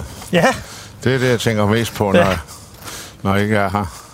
Så kan jeg godt, jeg kan godt lide de der steder, øh, Møntergade og Søndermand og sådan nogle steder. ja? Palægade. Ja, det kan jeg. Ja, det er også herligt. Palægade findes ikke mere, den er blevet Ja, til det- Møntergade. Ja, det, det brændte jo ned der. Ja. ja forfærdeligt. Ja. Jamen, det kan jeg godt huske. Ja. Alright, altså øh, for at det ikke skal være løgn, så har Jørgen også lånt mikrofonudstyr af Christian Fuglendorf, så der er simpelthen fuld, fuld cirkel på den her. Men, men konceptet er, at i sommeren 2021, før, lige kort før han blev 84, der øh, endte Jørgen desværre med at blive ramt af øh, blodpropper i lungerne. Og en del af den her genoptræning, som ligger i at komme til hektaren igen, det er, at han har fået at vide, at han skal gå en tur om dagen. Og, og det, man så gør, når man er Jørgen Let, det er, at man skriver, hvem har lyst til at gå en tur sammen med mig? Og, og tage, have en samtale. Vi optager det og udgiver det som podcast. Så hvor fuglen jo går tur med kendiser, så går Jørgen tur med folk, der er det modsatte. Så indtil videre han gået en tur med Christina, Kasper og Søren, og de bliver også præsenteret øh, som, øh, altså det de er, helt almindelige mennesker, som har budt ind på at gå en tur med Jørgen Let, og så, øh, fordi han jo om noget er historiefortæller til benet, lykkes han stadigvæk her på sin, jeg kan godt tælle mig at sige, ældre dage, at, at åbne de her mennesker op, så det bliver nogle, synes jeg, ret vedkommende samtaler om øh, Christinas mor, der er gået bort, og øh, Kasper, der øh, ud af ærmet slynger om sig med citater fra, øh, fra nogle større danske værker, som Jørgen bliver sådan helt sådan, åh, det var også, det er skarpt skrevet, og sådan noget, ikke? Altså, øh, så nogle, nogle ret fine snakke, og nu har jeg hørt de to første af dem, og, og de slutter alle sammen med at sige, hvor, hvor Jørgen er sådan lidt, det var jo spændende. Jeg skal vi ikke gå en tur igen på et andet tidspunkt og tale videre? Og jeg kan godt lide det der sådan meget medmenneskelige i, at du kan møde en ny person, og hvis du så bare lige tænker dig om at få stillet de rigtige spørgsmål, så er det som regel altid øh, sikkert, at du kommer ud med en god historie, som du også har lyst til at tale videre om og følge op på. Og det kan også være mennesker, som du umiddelbart ikke tror, du har en eller anden sympati for, men i det øjeblik, at øh, du går ind i en samtale med dem og er lyttende øh, og vedholdende og spørger ind, jamen så, så dukker der noget nyt spændende op. Så er det øh, journalisten i dig, der sådan, øh, det, det, altså sådan lige... Ja, det, det trigger noget, eller historiefortæller måske i virkeligheden mere, ikke? Ja. Fordi at vi er jo alle sammen historiefortællere et eller andet sted. Det kan godt være, at vi ikke har dyrket det, eller tænker så meget over, at vi fortæller historier, men i samtalen, der gør vi jo, der framer vi, og vi finder ud af, hvor pointerne skal ligge, og vi har alle sammen prøvet at fortælle en vittighed så dårligt, at vi kom til at sige øh, først, først ikke? og så videre. Så vi har jo alle sammen gennem et liv trænet os op til, hvordan man fortæller en historie med højere lavpunkter og slag med halen og så videre. Øh, og det synes jeg egentlig, det, det er et meget godt øh, billede på det her. Så jeg, jeg er i hvert fald godt underholdt. Altså, de går en, en halv times tid sammen og, øh, og taler om løst og fast og alt og ingenting. Der er ikke øh, som sådan noget, der er givet på forhånd. Men øh, helt klart et, et lyt lær. Vi skal, da, vi skal da ud og gå med, med Jørgen. Det er en af mine største drømme, Gorm, det kan jeg lige så godt sige med det samme. Men, men øh, I, I kendt Jørgen Letsk, øh, kort den ind til benet, så hedder den bare, jeg går, jeg lever. Og det er jo lige præcis de to ting, der sker. Den er lavet af, af Jørgen sammen med Podads, og den kan findes på alle gængse tjenester. Jakob for fanden. Ja. Det var sgu da en rigtig god uh, anbefaling, du kom med der, og vi fik uh, rundt det der, hvad vi uh, har i for tiden af spændende projekter inden for, hvad var det, jeg sagde, radio, uh, biograf og lydbog og alle de her ting her. Mm. En god sammensurium af en uh, podcast kondenseret her, bløde værdier, som du jo hjertens gerne må gå ud og anbefale til alle dem, du kender, fordi vi har virkelig brug for flere lyttere. Ja, det vil vi gerne have, og, og vi kan allerede tease lidt for vores næste afsnit, som bliver vores juleafsnit. Det bliver vores julegave juleafsnit. Ja, øh, hvor vi taler med Sai Benjamin fra Nordic Grooming, som har hjulpet os med noget. Hvad har han hjulpet os med? Jeg synes, det er måske lidt en hemmelighed, men, men jeg er sikker på, at når vi starter podcasten, så vil du kunne høre øh, sådan en øh, julemusik, der sådan øh, bimler og bamler. Øh, det vil være et andet lydbillede, end du lige er vant til, som øh, Henrik Palke Møller har designet for os. Jamen, det er rigtigt. Jeg var ved at uh, spill the beans her, som man siger. Men øh, det bliver julet ud over alle grænser, og det bliver også et spørgsmål om at snakke øh, noget storytelling. Øh, ja, så tror jeg ikke, jeg har sagt for meget. Men øh, tak fordi du lyttede med den her gang. Hvis du vil vide lidt mere om, hvem vi er for nogen, så kan man jo altid gå ind på skægogballade.dk og, øh, og se, hvad vi laver af produktioner og hvad vi kan. Man kan også gå ind på den, der hedder podcaster.dk, og der er vi lidt mere over i det her lydunivers, for der også øh, er forskellige muligheder for at booke sig ind på lydstudier og få lavet jingles og op til podcast. Og har du nu fået en rigtig god idé til, øh, hvem du godt kunne tænke dig at lytte til næste gang, så øh, kast en anbefaling til os. Ja, yeah. Tak fordi du lyttede med. Moin. thank you